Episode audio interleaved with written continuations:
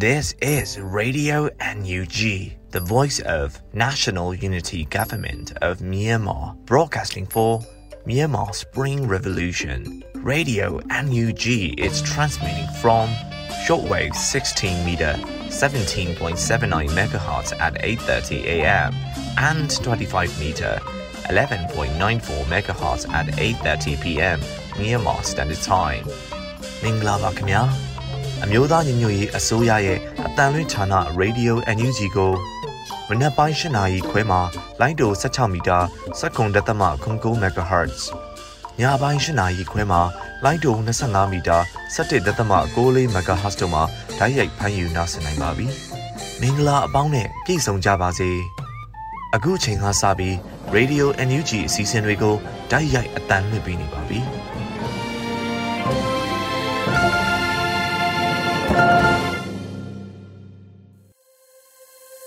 မြန်မာနိုင်ငံသူနိုင်ငံသားအပေါင်းတဘာဝပြီးဆေးရနာရှင်ပြီးတို့ကနေကင်းဝေးပြီးကိုစိတ်နှစ်ပါးပြီးကင်းလုံးကြုံကြပါစေလို့ရေဒီယိုညူချီကွယ်သားများကဆုတောင်းမြတ်တာပို့သလာရပါတယ်ရှင်အခုချိန်ကစပြီးကာကွယ်ရေးဝန်ကြီးဌာနရဲ့စီရေးသတင်းချင်းချုပ်ကိုတော့မျိုးဦးလင်ကမှဖတ်ကြားတင်ပြပေးပါတော့မယ်ရှင် ကာကွယ်ဝင်ကြီးဌာနအမျိုးသားညီညွတ်ရေးဆိုရမှာစက်တင်ဘာလ24ရက်နေ့2022ခုနှစ်ထုတ်ဝေတဲ့စီရေးသတင်းချင်းချုပ်ကိုတင်ဆက်ပေးတော့မှာဖြစ်ပါတယ်။စစ်ကောင်စီတပ်သား3ဦးသေဆုံးပြီး3ဦးထိခိုက်ဒဏ်ရာရရှိခဲ့ကြောင်းသတင်းရရှိပါရခင်ဗျာ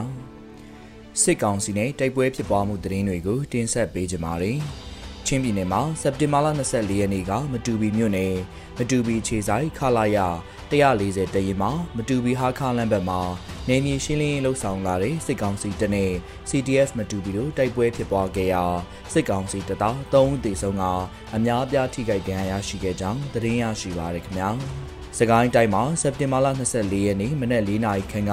မုံရွာမြို့နယ်မုံရွာချောင်းလမ်းပိုင်းတနေရာမှာစစ်ကောင်စီတပ်ဖွဲ့ဝင်ကားနှစ်စီးကို People Defense Force South မုံရွာအဖွဲ့နဲ့ပူးပေါင်းဖွဲ့များကမိုင်းနှလုံးနဲ့ဖောက်ခွဲတိုက်ခိုက်ခဲ့ရာကားနောက်ပိုင်းကိုထိမှန်ခဲ့ကြောင်းသတင်းရရှိပါရခင်ဗျာမန္တလေးတိုင်းမှာစက်တင်ဘာလ23ရက်နေ့ညနေ9နာရီခန့်ကမဟာအောင်မြင်မြို့နယ်69လမ်းနဲ့36လမ်းတောင်ရှိစီပင်ရရှိရိတ်တာဝင်းပေါက်မှာ ဘန်ကာဆောက်၍ဂိမ်းဆောင်နေတဲ့စီပင်ရဲများအောင်ပြည်သူ့ကာကွယ်တပ်မတော်မန္တလေးခရိုင်တရင်3 MDY PDF မှ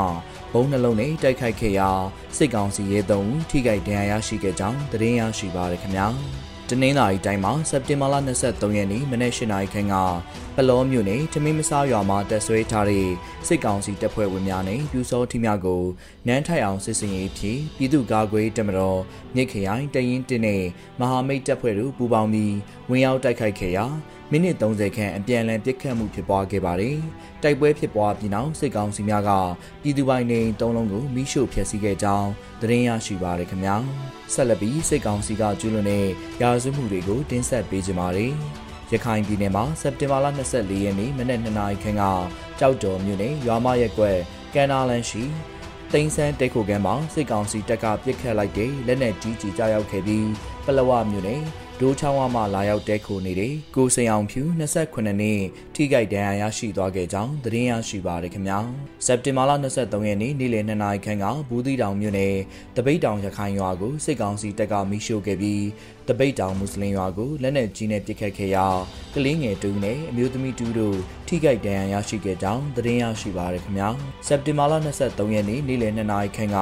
ဘူးသီးတောင်မြို့နယ်တပိတ်တောင်မွတ်စလင်ရွာမှာမွတ်စလင်10ဦးကို AA နဲ့ဆက်ဆက်နေသူဟုဆိုကစစ်ကောင်စီတပ်က ဖမ်းဆီးထားခဲ့ကြောင်းသတင်းရရှိပါရခင်ဗျာစက်တင်ဘာလ23ရက်နေ့ည7:00နာရီခန့်က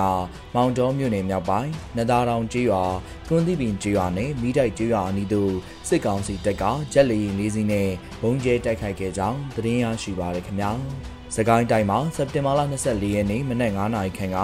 ခင်ဦးမြို့နယ်အင်းပက်ရွာကိုစစ်ကောင်စီတပ်ဖွဲ့ဝင်အင်အား60ခန့်စစ်ကြောင်းထိုး၍ဝင်ရောက်လာခဲ့ပြီးလက်နက်ကြီးလက်နက်ငယ်များနဲ့ပစ်ခတ်ခဲ့ကနေအိမ်များကို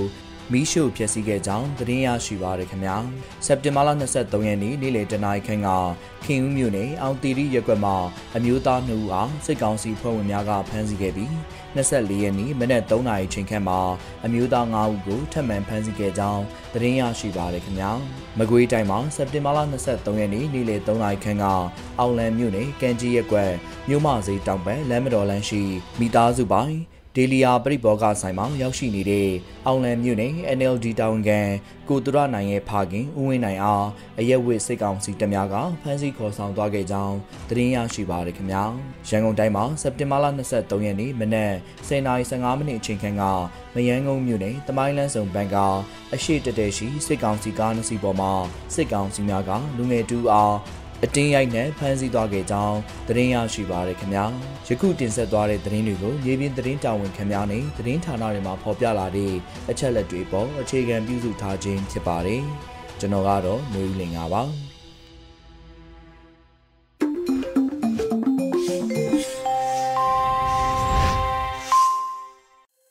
ရေဒီယိုညူချီမှာဆက်လက်တင်ပြနေပါတယ်။အခုဆက်လက်ပြီး နောက်ဆုံးရသတင်းများကိုຫນွေဦးမိုင်မှဖတ်ကြားတင်ပြပေးပါရမရှင်။မင်္ဂလာမနေ့ခင်ပါရှင်။အခုချိန်ကစပြီး Radio UNG ရဲ့မနေ့ခင်သတင်းများကိုတင်ပြပေးပါရမယ်။ကျွန်မຫນွေဦးမိုင်ပါ။ဒီပေးရင်ဖြစ်စဉ်မှာတာဝန်ရှိတဲ့ရာဇဝတ်သားတွေကိုအမြန်ဆုံးအရေးယူနိုင်ဖို့ယာယီသမရဒူဝါလက်ရှိလိုက်ညွှန်ကြားလိုက်တဲ့သတင်းကိုဥစွာတင်ပြပေးပါမယ်။ စကိုင်းတိုင်းဒီပဲရင်မြို့နယ်လက်ရက်ကုန်းရွာစာတင်ကျောင်းပြစ်ခတ်ခံရမှုမှာတာဝန်ရှိတဲ့ရာဇဝတ်သားတွေကိုအမြန်ဆုံးအရေးယူနိုင်ဖို့ယာယီသမရဒူဝါလက်ရှိလာညွှန်ကြားလိုက်ပါတယ်။စက်တင်ဘာလအတွင်းမှာရေဒီယို UNG ကိုသမရယုံပြောရေးဆိုခွင့်ရှိသူဦးကျော်စောကဖြေကြားခဲ့ပါတယ်။ကျွန်တော်တို့ယာယီသမရကြီးကိုယ်တိုင်လည်းဒီဖြစ်စဉ်ကိုအင်မတန်မှစိတ်မကောင်းဖြစ်နေရပါတယ်။မြန်မာပြည်သူတွေအားလုံးနဲ့အတူတူပဲစိတ်မကောင်းဖြစ်ရပါတယ်။သမရကြီးကိုယ်တိုင်ကလည်း ဒီကိစ္စကိုတာဝန်ရှိတဲ့ရာဇဝတ်သားတွေကိုအမြန်ဆုံးအရေးယူနိုင်ဖို့အတွက်အတက်နိုင်ဆုံးလုပ်ပေးဖို့ညွှန်ကြားပါတယ်လို့ဆိုပါတယ်။ဒါအပြင်တေဆုံးခဲ့ရတဲ့ကလေးငယ်များ၏ကြံရက်သူမိသားစုများအပါအဝင်ចောင်းသားចောင်းသူနဲ့ဆရာဆရာမများကိုလည်းလိုအပ်တဲ့အကူအညီများပေးဖို့ယာယီသမရကအစိုးရအဖွဲ့ကိုညွှန်ကြားထားပါတယ်။စက်တင်ဘာ16စကိုင်းတိုင်းဒီပဲရင်မြို့နယ်လက်ရက်ကုန်းကျေးရွာရှိစာတင်ကျောင်းကိုအကြမ်းဖက်စစ်တပ်က MI35 စစ်3ရဟတ်ယာဉ်2စင်းနဲ့ပစ်ခတ်ခဲ့ရာကလေးငယ်6ဦးသေဆုံးခဲ့ပြီးမြေပြင်ထိုးစစ်ကြောင့်အရက်သား9ဦးသေဆုံးခဲ့ရပါတယ်ရှင်။ဆက်လက်ပြီးပြည်ထောင်စုလွှတ်တော်ကိုစားပြုကော်မတီကိုဖက်ဒရယ်ရေးရာဝန်ကြီးဒေါက်တာလျံမှုစခေါင်းက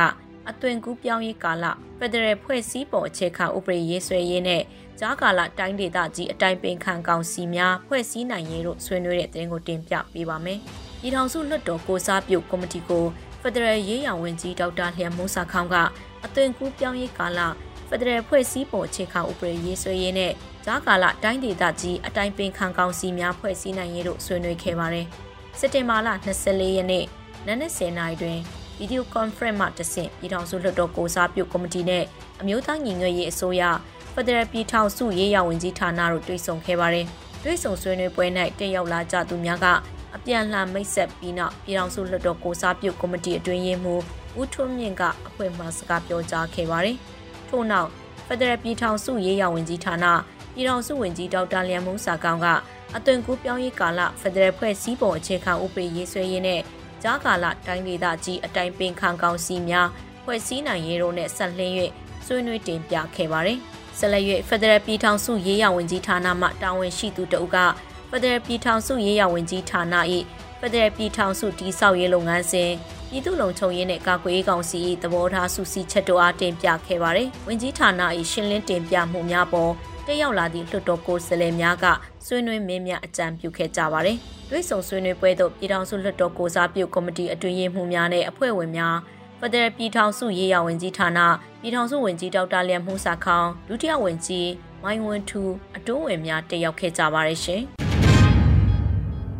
ဆက်လက်ပြီးအမျိုးသားညီညွတ်ရေးအစိုးရဟာ Federal Democracy ကိုအရောက်သွားနေတယ်လို့ပြည်ထောင်စုဝန်ကြီးဒေါက်တာဇော်ဝေဆိုးဆိုလိုက်တဲ့သတင်းကိုတင်ပြပေးပါမယ်။အမျိုးသားညီညွတ်ရေးအစိုးရဟာ Federal Democracy ကိုအရောက်သွားနေတယ်လို့ပြည်ထောင်စုဝန်ကြီးဒေါက်တာဇော်ဝေဆိုးကဆိုပါတယ်။စက်တင်ဘာ24ရက်ကျင်းပတဲ့ပအို့အမျိုးသား Federal Council PNFC နဲ့အမျိုးသားညီညွတ်ရေးအစိုးရပညာရေးဝန်ကြီးဌာနတို့ပူးပေါင်းဖွင့်လှစ်သည့် ကြားကာလအခြေခံပညာအခမဲ့အွန်လိုင်းစာသင်ကျောင်းဖွင့်ပွဲအခမ်းအနားမှာပညာရေးဝန်ကြီးဒေါက်တာဇော်ဝေဆိုးကဆိုပါတယ်ကျွန်တော်တို့တွေဟာ Federal Democracy ကိုသွားမှာဖြစ်ပါတယ်။သွားလဲသွားနေပါတယ်။အခုလဲကျွန်တော်တို့စိတ်က Federal စိတ်အပြည့်နဲ့ဒီတော်လှန်ရေးကိုလုပ်နေတာဖြစ်ပါတယ်။ဟိုအရင်တုန်းကလိုဗဟုစနစ်ကိုဖျောက်ပြီးတော့အခုချိန်မှာအားလုံးစုပေါင်းပါဝင်မှုနဲ့ဒီတော်လှန်ရေးကိုဆင်နွှဲနေပါတယ်လို့ဆိုပါတယ်။လက်ရှိမှာအမျိုးသားညီညွတ်ရေးဆိုရဟာကြားကာလဖွဲ့စည်းပုံအခြေခံဥပဒေပေါ်ပေါက်ရေးကို ဦးတည်ကြိုးပမ်းဆောင်ရွက်လက်ရှိပါရရှင်။ဆက်လက်ပြီးနှွေဦးတော်လှန်ရေးမှာ CDM အရေးဆက်ပါနေ၍အင်းအားလျှော့ချလို့မရဘူးလို့ကာကွယ်ဝင်ကြီးဌာနတွင်းဝင်ဆိုလိုက်တဲ့သတင်းကိုတင်ပြပေးပါမယ်။နှွေဦးတော်လှန်ရေးမှာ CDM အရေးဆက်ပါနေ၍အင်းအားလျှော့ချလို့မရဘူးလို့ကာကွယ်ရေးဝန်ကြီးဌာနအတွင်းဝင်ဦးနိုင်ထူးအောင်ကဆိုပါရယ်စက်တင်ဘာ24ရက်ကျင်းပတဲ့ပြည်သူတော်လှန်ရေးထောက်ပို့မိသားစုစကားဝိုင်းအစီအစဉ်ဤဥက္ကံတော်လှန်စစ်တနှစ်တာခရီးဆွေးနွေးပွဲမှာ ကာကွယ်ဝင်ကြီးဌာနအတွင်းဝင်ဦးနိုင်ထူအောင်ကဆိုပါတယ် CDM ကလည်းတော်လှန်ရေးမှာအရေးပါတယ်ဆက်ပြီးပါနေအောင်မှာပဲ CDM အင်အားကိုလက်နက်ကင်လုပ်တယ်ဆိုပြီးရှော့ချလို့မရဘူးဆန္ဒပြတဲ့ကိစ္စတွေလည်းဆက်ပြီးပါနေမှာပဲနောက်တစ်ခုမေးလို့မရတဲ့ကိစ္စကတော့ boycott လုပ်တဲ့ကိစ္စမျိုးမေးသွားလို့မဖြစ်ဘူးလို့တယ်ကျွန်တော်တို့ကရန်သူရဲ့အားကောင်းစေမဲ့အရာတွေကိုဖြတ်တောက်ပြရမယ်လို့ဆိုပါတယ်2021ခုနှစ်ဖေဖော်ဝါရီလ1ရက်နေ့မှာစစ်တပ်ဟာနိုင်ငံတော်အာဏာကိုမတရားသိမ်းယူခဲ့ပါတယ်၎ င်းနောက်စစ်အာဏာရှင်စန့်ကျင်လူထုလှုပ်ရှားမှုနဲ့အတူ CDM လှုပ်ရှားတဲ့ကျမ်းမာရေးပင်ငိုင်းဝန်ထမ်းအင်အားသိမ့်တဲ့ချီရှိခဲ့ပါတယ်ရှင်။ဆက်လက်ပြီးအမေဝတ်ဆောင်ကန်ဆာမဲလက်မှတ်များရောင်းရငွေရဲ့90ရာခိုင်နှုန်းကိုကာကွယ်ဝင်ကြီးဌာနရဲ့ထုတ်လုပ်မှုအပိုင်းမှာအသုံးပြုမဲ့သတင်းကိုတင်ပြပေးပါမယ်။အမေဝတ်ဆောင်ကန်ဆာမဲလက်မှတ်များရောင်းရငွေရဲ့90ရာခိုင်နှုန်းကိုကာကွယ်ဝင်ကြီးဌာနရဲ့ထုတ်လုပ်မှုအပိုင်းမှာအသုံးပြုမယ်လို့တင်ရရှိပါတယ်။စက်တင်ဘာ24ရက်နေ့ ဩစတြေးလျနိုင်ငံဖတ်မြို့မှာကျင်းပတဲ့စစ်အာဏာရှင်ကြာဆုံးဖို့အမိဝတ်စုံနဲ့တွန်းလှန်ဆိုရန်ပုံငွေပွဲမှာတရုတ်ဆောင်မင်းမော်ကွန်းကပြောကြားခဲ့ပါတယ်။ဒီပွဲလေးကတော့အမိဝတ်စုံကန်စားမဲလက်မှတ်ရောင်းချပွဲဖြစ်ပါတယ်။ဒီအမိဝတ်စုံကရောင်းရတဲ့ဝင်ငွေကိုကာကွယ်ဝင်ကြီးဌာနရဲ့ထုတ်လုပ်မှုအပိုင်းတွေမှာ90ရာခိုင်နှုန်းအသုံးပြုမှာဖြစ်ပြီးတော့ကျန်တဲ့25ရာခိုင်နှုန်းကို PDF တွေမြုပ်ပြပျောက်ကြားတွေအတွက်အသုံးပြုမှာဖြစ်ပါတယ်။ကျန်တဲ့25ရာခိုင်နှုန်းကို ကိုလက်အိမ်ကဆွန့်လွတ်လိုက်ရတဲ့ရဲဘော်ရဲဘက်တွေအတွက်ကိုအသုံးပြုမှာဖြစ်ပါတယ်လို့ဆိုပါတယ်။အမေဝတ်ဆောင်ဟာနိုင်ငံတော်၏အတိုင်ပင်ခံတော်အောင်ဆန်းစုကြည်2012ခုနှစ်ကော်မွန်မျိုးနဲ့ကြားဖြည့်ရွေးကောက်ပွဲခီးစီမှာဝတ်ဆင်ခဲ့တဲ့ဝတ်ဆောင်လည်းဖြစ်ပါတယ်။ဩစတြေးလျနိုင်ငံဖတ်မြို့မှာစစ်အာဏာရှင်ကြဆုံးဖို့ အမေဝတ်စုံနဲ့တွန်းလှန်ဆုပ်ရန်ပုံငွေပွဲ Down of River ရဲ့အမေဝတ်စုံကန်စားမဲ့လက်မှတ်များကိုຫນွေဦးတော်လှန်ရေးအောင်မြင်ရဲ့အတွက်အာသွန်ခွန်ဆိုင်လှုပ်ဆောင်နေကြသောတရုတ်ဆောင်အကယ်ဒမီမင်းမော်ကိုနဲ့ဒါရိုက်တာတီခက်နေတို့ကိုယ်တိုင်ကန်စားမဲ့လက်မှတ်များရောင်းချပေးခဲ့ပါရရှင်။ဆက်လက်ပြီးအင်းစိန်အချင်းထောင်ကနေနိုင်ငံရေးအချင်းသားအမျိုးသား200ဦးနဲ့အမျိုးသမီး90ဦးကိုထောင်များပြောင်းရွှေ့တဲ့သတင်းတင်ပြပေးပါမယ်။ ရန်ကုန်မြို့အင်းစင်အကျဉ်းထောင်ကနေနိုင်ငံရေးအကျဉ်းသားအမျိုးသား200ဦးနဲ့အမျိုးသမီး90ဦးကိုထောင်များပြောင်းရွှေ့လိုက်တယ်လို့သိရရှိပါရယ်။စက်တင်ဘာလ24ရက်နေ့စနေနေ့မနေ့မှာပြောင်းရွှေ့လိုက်တာလို့ရန်ကုန်စီးပွားရေးတက္ကသိုလ်ကျောင်းသားများတမကအတည်ပြုဖော်ပြပါရယ်။ရန်ကုန်စီးပွားရေးတက္ကသိုလ်ကျောင်းသားများတမကရွာသားကြီးနယ်မြေဗဏ္ဍာရေးမှုမရင်မြတ်နိုးဦးထောင်ပြောင်းရွှေ့ခံရပါတယ်။အင်းစိန်အကျဉ်းဦးစီးဌာနမှစက်တင်ဘာလ24ရက်နေ့စနေနေ့မနေ့တွင်မရင်မြတ်နိုးဦးအပါအဝင်နိုင်ငံရေးအကျဉ်းသားအမျိုးသား200ဦးနဲ့အမျိုးသမီး90ဦးစုစုပေါင်းအယောက်250ကိုတာယာဝတီထောင်သို့ပြောင်းရွှေ့လိုက်ပါတယ်လို့ဆိုပါတယ်။နိုင်ငံရေးအကျဉ်းသားများကိုထောင်ပြောင်းရွှေ့မှုပြုလုပ်ခြင်းမှာယခုအချိန်ဒီစရုတ်တအချိန်မြောက်ဖြစ်ပြီးမိသားစုများထံကြိုတင်အကြောင်းကြားခြင်းမရှိဘူးလို့တင်ရရှိပါရရှင်။ဆလပီအကြမ်းဖက်စစ်ခေါင်းဆောင်စိုးဝင်းရဲ့ဆရာအငိမ့်စားဘူချုပ်အုံးသွင်နေအိမ်မှာပြစ်တက်ခံရ၍တည်ဆုံတဲ့သတင်းကိုတင်ပြပေးပါမယ်။ အကြမ်းဖက်စစ်ခေါင်းဆောင်စိုးဝင်းရဲ့ဆရာအငိမ့်စားဘူချုပ်အုံသွင်နေအိမ်မှာပြစ်ခတ်ခံရ၍တည်ဆုံးခဲ့ပါတယ်။စက်တင်ဘာ24ရက်မှာနေအိမ်မှာပြစ်ခတ်ခံရတာလို့ India Urban Force ကအတည်ပြုပြောပါတယ်။မှန်ပါတယ်သူကစိုးဝင်းဆရာပါ။သူတော့သေးပါတယ်လို့ဆိုပါတယ်။အငိမ့်စားဘူချုပ်အုံသွင်ဟာအငိမ့်စားယူထားတော်ငါလဲပြည်သူလူထုအပေါ်ကြမ်းကြုတ်သောလုံရများလုတ်ကန်ရန်အားပေးအမြောက်ပြုလုပ်သူစစ်အာဏာသိမ်းရန်တိုက်တွန်းအကြံပေးသူဖြစ်တယ်လို့ India Urban Force ကဖော်ပြထားပါတယ်ရှင်။ဆက်လက်ပြီးဒဇယ်မြို့နယ်မှာအကြမ်းဖက်စစ်တပ်ကရွာများကိုစစ်ကြောင်းထိုးဝင်ရောက်၍ရွာပေါင်း20ကျော်မှလူဦးရေတောင်းနဲ့ချီစစ်ပေးရှောင်နေရတဲ့တဲ့ရင်ကိုတင်ပြပေးပါမယ်။စကိုင်းတိုင်းတစဲမြို့နယ်မှာအကြမ်းဖက်စစ်တပ်ကရွာများကိုစစ်ကြောင်းထိုးဝင်ရောက်၍ရွာပေါင်း20ကျော်မှလူဦးရေတောင်းနဲ့ချီစစ်ပေးရှောင်နေရတယ်လို့သတင်းရရှိပါရယ်စစ်တင်ဘာ24ရက်မှာတစဲမြို့နယ်အခြေအနေကို KPK PDF ကအတည်ပြုဆိုပါတယ်။ယခုချိန်နေတွင်စစ်ကောင်စီတပ်များဘက်မှအင်အားအလုံးရင်ဖြင့်ထိုးစစ်ဆင်ဝင်ရောက်နေပြီးရက်ရော်နေအိမ်မီးရှို့မှုများရန်တမ်းပစ်ခတ်မှုများပြုလုပ်နေပါသဖြင့်ရွာပေါင်း20ကျော်ခန့်စစ်ပေးရှောင်နေကြရသည့်အခြေအနေဖြစ်ပါတယ်။ဒဇယ်မြို့နယ်အတွင်းစစ်ပေးရှောင်ပြည်သူပေါင်းတောင်းနဲ့ချီရှိနေပါတယ်လို့ဆိုပါတယ်။စစ်ပေးလွှတ်ရာမှပြည်သူများအနေဖြင့်စစ်ရေးအခြေအနေတင်းမာလည်းရှိနေသောဒေသများမှစစ်ရှောင်ပြည်သူများကိုကူညီထောက်ပံ့ပေးရန်လည်းအသိပေးကြေညာထားပါတယ်ရှင်။ အခုတင်ပြပေးခဲ့တဲ့သတင်းတွေကိုတော့ Radio UNG သတင်းထောင်မင်းမင်းကပေးပို့ထားတာဖြစ်ပါတယ်ရှင်။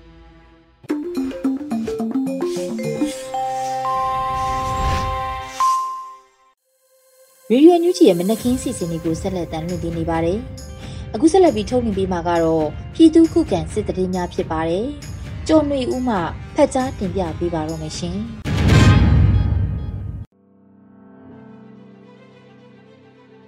ပထမဦးစွာ KNU တပ်မဟာ9နယ်မြေမှာတရက်အတွင်းတိုက်ပွဲအကြိမ်ကြိမ်ဖြစ်ပြီးစစ်ကောင်စီဘက်မှ၄ဦးသေဆုံးတဲ့တဲ့တင်ဆက်ပါမယ်။ကရင်အမျိုးသားအစည်းအရုံး KNU ရဲ့ကော်တူးလေအုပ်ချုပ်နယ်မြေမူဒရောခရိုင်တပ်မဟာ9မှာအကြမ်းဖက်စစ်တပ်နဲ့ကော်တူးလေတပ်မတော်ကြားစက်တင်ဘာလ23ရက်ယမနေ့မှာ6ကြိမ်ပြစ်ခတ်တိုက်ခိုက်မှုဖြစ်ပွားပြီးစစ်ကောင်စီဘက်မှ၄ဦးသေဆုံး2ဦးဒဏ်ရာရကစစ်သုံးကားတစ်စီးပျက်စီးသွားကြောင်းမူဒရောသတင်းစင်မှာဖော်ပြထားပါတယ်။ ဘူးတူမြို့နယ်အတွင်းရှိနတ်တောင်စစ်တပ်စခန်းကို2ကြိမ်လူသောမြို့နယ်ဝါဒိုဒင်းမှာ2ကြိမ်ထော်မူလယ်မဲမှာ2ကြိမ်ရွယ်လုံးမြို့နယ်ဝါတိုးခုကျေးရွာနီးမှာ2ကြိမ်မဲဝိုင်စခန်းအနီးမှာတစ်ကြိမ်စစ်ကောင်စီတပ်ဖွဲ့များကိုကော့တူးလေတပ်မတော်တပ်မဟာ9လက်အောက်ခံတပ်ဖွဲ့များကတွားရောက်တိုက်ခိုက်ခဲ့ခြင်းပါ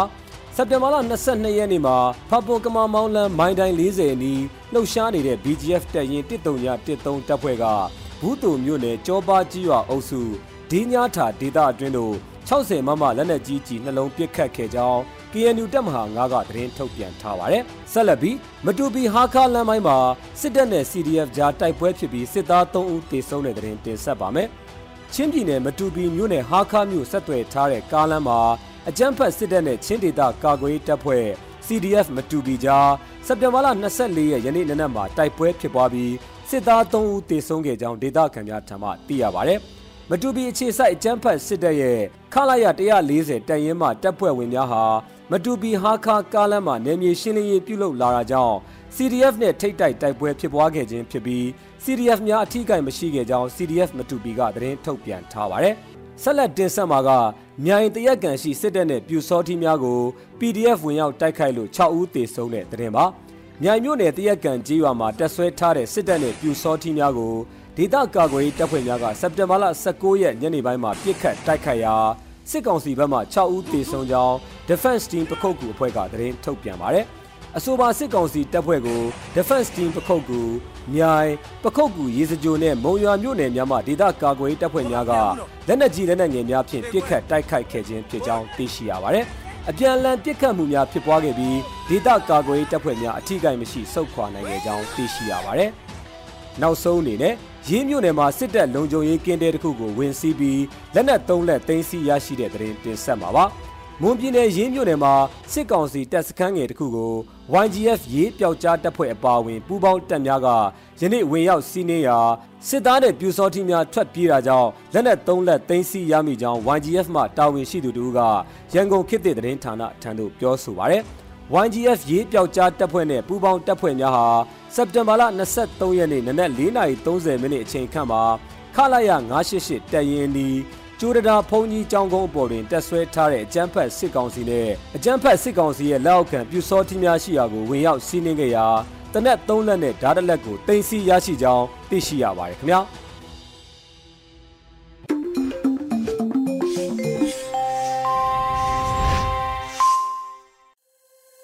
ဗီဒီယိုအန်ယူဂျီပရိသတ်တွေအတွက်ကူးဆက်လက်ပြီးထုတ်လွှင့်ပေးမယ့်စီစဉ်ကတော့ PPTV ရဲ့နေ့စဉ်သတင်းများဖြစ်ပါတယ်။ထက်ထက်အင်ဒရာအောင်မှဖတ်ကြားတင်ပြပေးပါရမရှင်။အခုချိန်ကစပြီး PPTV သတင်းတွေကိုတင်ဆက်ပေးတော့မှာပါ။ကျွန်မထက်ထက်အင်ဒရာအောင်ပါ။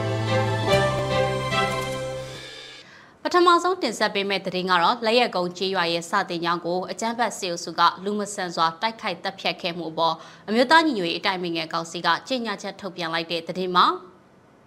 စကိုင်းတိုင်းတပည့်ရင်မြို့နယ်လက်ရက်ကုန်းကျေးရွာရဲ့စတင်ကြောင်းကိုအကြမ်းဖက်စေအုပ်စုကလူမဆန်စွာတိုက်ခိုက်တပ်ဖြတ်ခဲ့မှုပေါ်အမျိုးသားညီညွတ်ရေးအတိုင်းအမြင်ကောင်စီကစက်တင်ဘာလ23ရက်ရက်စွဲနဲ့ကြေညာချက်ထုတ်ပြန်လိုက်ပါတယ်။ ထောက်ပြန်ချက်ထဲမှာလက်ရက်ကုံကျေးရွာမှာရှိတဲ့ဒေသခံပြည်သူတွေဖွင့်လှစ်ထားတဲ့ကိုရုကိုထစတင်ကြောင်တကြောင်ကိုစက်တင်ဘာလ16ရက်မှာအကြမ်းဖက်စေအုပ်စုကဝေဟင်နဲ့မြေပြင်ကနေရက်ဆက်ကြမ်းကြုတ်စွာတိုက်ခိုက်တပ်ဖြတ်မှုပြုလုပ်ခဲ့တာကြောင့်ကလေးတငယ်9ဦးအပါအဝင်အ ਨੇ ဆုံးအရသား73ဦးသေဆုံးခဲ့ပြီး ဒဏ်ရာရရှိထားတဲ့ចောင်းသားចောင်းသူတွေနဲ့ဆရာဆရာမများ20ကျော်ကိုပါမတရားဖမ်းဆီးခေါ်ဆောင်သွားခဲ့ကြောင်းသိရှိရတဲ့အတွက်အမျိုးသားညီညွတ်ရေးအတိုင်ပင်ခံကောင်စီအနေဖြင့်များစွာဝမ်းနည်းကြေကွဲရတယ်လို့ဖော်ပြထားပါတယ်။ကလေးငယ်တွေကတိုင်းပြည်ရဲ့အနာဂတ်ဖြစ်လို့မိမိတို့ရဲ့အနာဂတ်တွေကို၎င်းတို့ကိုကြိုးအတွက်သွေးအေးအေးနဲ့တပ်ဖြတ်တာဖမ်းဆီးတာနှိပ်စက်တာတွေပြုလုပ်နေတဲ့အကြမ်းဖက်စေအုပ်စုရဲ့ဆိုးရုံမှုတွေကခွင့်လွှတ်တီးခံနိုင်စရာမရှိဘူးလို့ဆိုပါတယ်။အခုလိုလက်ရဲဆက်ရဲတက်ရဲဖြက်ရဲနေတာကလည်း၎ င်းတို့ကျူးလွန်ခဲ့တဲ့မတရားမှုအဝဝအပေါ်တရားဥပဒေကပြစ်ဒဏ်မှကင်းလွတ်ခွင့်ရှိနေတာကြောင့်လို့ဖော်ပြထားပါတယ်။အခုလိုမျိုးဖြစ်ရတဲ့ရက်တံမှုအတွက်ပြည်သူလူထုတရက်လုံးအနေနဲ့မတရားမှုတွေဆက်လက်မဖြစ်ပေါ်စေရေးအတွက်တခဲနဲ့အုံကြွပြီးရရနီလန်နဲ့ဆက်လက်ဆက်ကျတော်လှန်ကြပါရန်မတရားဆရာနာတိတ်မှုကိုစန့်ကျင်တဲ့တော်လှန်ရေးအင်အားစုအသီးသီးအနေဖြင့်လဲ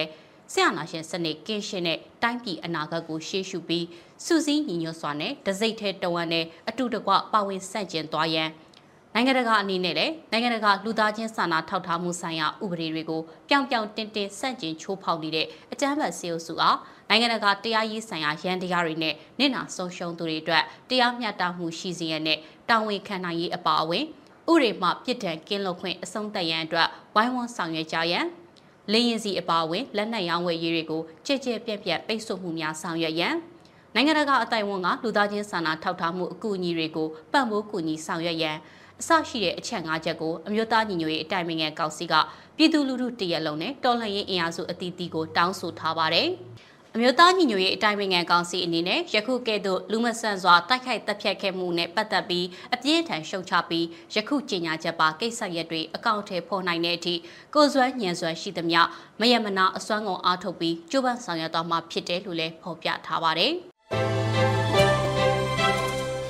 ဆလတ်တင်ဆက်ပေးမှာကတော့ကုလလောက်အခန့်အဖွဲ့အစည်းတွေကိုအကြမ်းဖက်စေအုပ်စုနဲ့ထိတွေ့ဆက်ဆံခြင်းမပြုကြဖို့အရက်ဖက်အဖွဲ့600ကျော်ကုလအတွေ့အမှုချုပ်စီစဖို့တောင်းဆိုလိုက်တဲ့ဆိုတဲ့သတင်းမှာကုလသမဂ္ဂနဲ့လောက်အခန့်အဖွဲ့အစည်းတွေအနေနဲ့အကြမ်းဖက်စစ်ကောင်စီနဲ့ထိတွေ့ဆက်ဆံတာတွေမလုပ်ဖို့အတွက်ကုလအတွေ့အမှုချုပ်စီကိုအရက်ဖက်လူထုအဖွဲ့အစည်း638ဖွဲ့ကစက်တင်ဘာလ23ရက်ရက်စွဲနဲ့စပေးဖို့တောင်းဆိုခဲ့ပါတယ်။ ယာဒူးခန့်အပ်လွှာပေးအပ်တာတွေသဘောတူစာချုပ်တွေနဲ့နားလည်မှုစာချုပ်လွှာလက်မှတ်ရေးထိုးတာတွေကိုအမျိုးသားညီညွတ်ရေးအစိုးရတိုင်းရင်းသားလက်နက်ကိုင်တော်လှန်ရေးအဖွဲ့တွေနဲ့လှုံ့ဆော်ကြဖို့အတွက်လည်းတောင်းဆိုထားပါတယ်။ကုလထွေထွေအတွင်းမှုချုပ်စီလိမ့်မှုထားတဲ့စာမှာတော့ကုလသမဂ္ဂအဖွဲ့အစည်းတွေဟာစေအုပ်စုကိုတရားဝင်မှုရရှိစေရေးလှုံ့ဆော်နေမှုတွေကိုရပ်တန့်ရမှာဖြစ်ပြီးတော့မြန်မာနိုင်ငံရဲ့အချက်အတဲကိုဖြည့်ရှင်းပေးဖို့အတွက်အရက်ဘတ်လူလူအဖွဲ့အစည်းတွေကတောင်းဆိုခဲ့တာဖြစ်ပါတယ်။ မကြသေးခင်ကကုလအေဂျင်စီတွေရဲမုံငွေအဖွဲ့တွေအစီအစဉ်တွေနဲ့မြန်မာနိုင်ငံအတွင်းလုပ်ကင်နေကြတဲ့တခြားအစုအဖွဲ့တွေဟာအကြမ်းဖက်စီအုပ်စုနဲ့သဘောတူစာချုပ်အသစ်တွေထပ်မံချုပ်ဆိုတာတွေ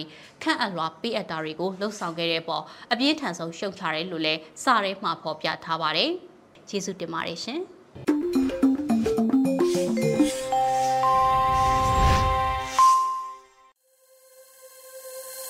ရေဒီယိုအန်ယူဂျီကိုနားတော်တာဆင်နေတဲ့ပရိသတ်များရှင် အခုဆက်လက်ပြီးထုတ်လွှင့်ပေးမယ့်စီစဉ်ကတော့တိုင်းရင်းသားဘာသာစကားနဲ့သတင်းထုတ်လွှင့်မှုအနေနဲ့ချိုးချင်းဘာသာစကားခွဲတစ်ခုဖြစ်တဲ့မွန်ဘာသာဖြင့်သတင်းထုတ်လွှင့်မှုကိုနားဆင်ကြရတော့မှာဖြစ်ပါတယ်။ဒီစီစဉ်ကို Radio NUG နဲ့ချိုးချင်းဘာသာစကားသတင်းထုတ်လွှင့်မှုဖွဲ့တို့ကပူးပေါင်းတင်ဆက်ပေးထားတာဖြစ်ပါတယ်ရှင်။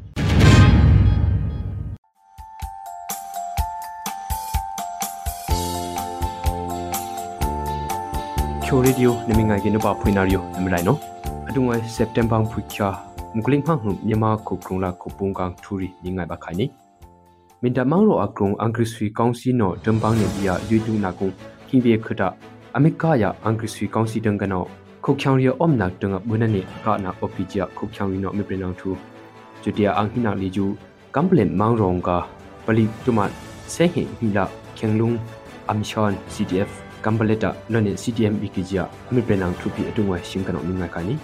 တာရင်သက်ခွန်တဲ့လူကြီးတော်ကပါအဲတမ်းပလေတဲ့တာရင်ဟောင်းကြတော့မြေလို့ထောင်ကလေနဲ့ကျုံဒီနဲ့ဟုတ်လို့ဒီဟာကျင်းနဲ့ကြောက်ကွာကျတဲ့အခုနာလီယူမီဇိုရမ်ယူနီဗာစီတီမြန်မာအောင်ထူအောင်ပါစီဒွန်းနေအမင်းထေလောနာအော့ခါဂျီပီအတူမွေရှင်ကနောပရင်ဘိုင်အော့ကီနီ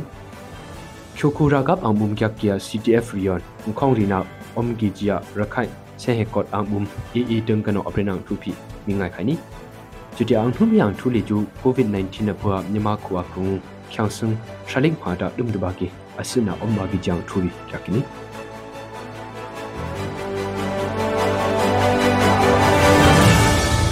Minda mangro bribrika khonghbung Angrisi kaunsi tangkano dumbang ne bia yoituk na yung leju CDF minta tangkano mangro lu na la hikya tung opkya hikunli akaba na omgija CDF minta no September phukya mukuli ang pritkini achuna mekaba na gung sikyuk limna dumgya Angrisi kaunsi tangkan leju minta mangro akrong yung bunane mjumne akana omgiji phi khokhyang ri tangkan leju pritkini Angrisi kaunsi omna yung amewaka ba na ka phwa khokhyang ri bunane amika du ba ken hingi ji phi pritkwini angri sui kaunsi tang kan le ju minta mangro akrung amisi kyuk lim bai na om akya gung pi ro tang yung la mangro krung yung a bunane amika na om gi ji phi ngami tang kan pritkwini kamble mangro paling bu mung ka pi phyo sin le ju se he hi khenglung ri la angri sui kaunsi ri no amisunga kho am chan bribrika september phukya sha lagung lane ctm abilaw na opkija ctf kamble tang kano september phukya ngule ot khomodanga pritkini အလို့လာကြီးဆိုတဲ့ဒီနေ့ဆက်ချောရကိုလာထားထားမယ်ဆိုတော့အခုလည်းတော့ကြည့်ရပါဒီနေ့ဒီလုံးထုံးရရမှာဖြစ်ချင်အောင်ကိုမထုတ်ကြဆောင်ကြည့်ကြလာအောင်ကိုမထုတ်ကြမယ်က ta yin se kon don ni di don ka ba se tam ble don na ta yin han cha lo ni le lo don ga le ne don di le hu le di ha tin le ka ka ba e e ti tin tin tin an hu da ka chang la la le ka thot le ya la la la thot lo ya nga tin tha le a le bi ko kon si tin le ta le le chi tri ta le a po le bi on chutia ctf kamble tung kano ajuna muya ctm bi lukya paling bumla angrisui kongsi au jumpi amin do chambana om khajia ngami tung kana liju amin khuna om gini အိန္ဒိယခု Mizoram University Institute of Chin Affairs လာ Mizoram University နော်ဒွမ်ဘန်းနိနေမဘန်းထူရယွန်ဘောက်စီဒွနမ်ထီလောနာအုံခါဂျာ Mizoram University နော် September ဖုချမ်ကုငုခုငုပွန်ပရိကိနေမဘန်းထူမခရမင်းထီနာလီဂျူခုကုမ်အတုံချာရှာခဒရှောခါဂျေပီ Mizoram University နော်ပရိကိနေချိုခိုဆေဟေကောရာကပ်အန်ဘုံရီ CTF လာရခိုင်ခိုဆေဟေကောရာကပ်ဘုံ AA အနင်းလကုံ ဘဂီယာထုံဆာနာအုံဂီဂျာရခိုင်ခုပရဆောနာအံဝိုင်ဥခိုင်တုခါနောဘရဘကစက်တမ်ဘာဖွိခါရှလိကုဟုမထုပရနဂုံအပရနကမောင်လေးကျူရခိုင်ခုအကလုံထုံဘုံကြကြလီမရူမီဒီယာကရုမနောစက်တမ်ဘာဖွိခါကုဟုရခိုင်ထွန်ရုံနာအုပ်ကိနေအင်္ဂရိစီကောင်စီတန်ကနောအာနာရူဘရကနာခိုရှုံခိုင်မိဘူမာ PDF ရီကွန်ဒူလမ်ဘန်ချွမ်ပီရခိုင်ခုံအက်ကျချိုခိုလာမကွေကိုတန်ကာရာကပ်အံဘုံရီငမီယာ AA aning lakung bergia thungsana omgija rakhain khu presana angwai u khain tu khano bribrika september phukya shalik ko hu thu prenagung aprenna ka among leju rakhain khu akrung thungbum kya kya limru media group no september phukya kunghum rakhain thuan rungna opkini angrusi kaunsi tangkano ana rubrikona khoshung khai mikbuma pdf ri kom dulam bas chumpi rakhain khong etkia khyokhula makui ko dangka rakap angbumri ngamia abuna vai ngamia rairong na ri rakhain kho se he kot rakap mum e e tangkano atem kin na omgija u khain tu khan li ju prikini nyama ko akrung covid 19 lina na khong hu bula khong hu ba kadang ni adam lo ba na li ju opkini bribrika september phukya ong hu bungano mphu khyam gule ri akhun khong hu gul hau akrong li ju sakka khyang khyang sung shalik phri kuda opija RFA permis no rukini nyama khu angri si kaunsi rairong na waipung dangano september phu khyam gule re khomodanga thu a prena gung le ju covid 19 lina na ndang ma gya khyang ak thai khyang sung phya phri ra ko kuda omgi ja prikini nyama khu akrung covid lina na angpe lo ba na le ju brubrika august dubi khya yung khyang sung phya bang om na gung kano aduk be september phu khya akrung le ju adum lo na pi om ne khyot akrung khyang sung phakip thok lo ki gp rairong na waipung dangano prikini khogum phram kulam guliri febring kwa cham kulik thridung kano september phukha ngulik thum khada covid linan na ka phwa sakju phyala phiki phlau lokki jepi angrisi kaunsi rairong na waipung dangano aprena ningam thindri ne adungwai thumi nga liju asimbang kya khani nyama khokrong la khyokhong ni mapkya khyosa khyang rimban ayi thi sina ang aina ri aw yo mai ne mibum khut na mi cheng nang so jia singkano print thuni nu ba phuina ban lai number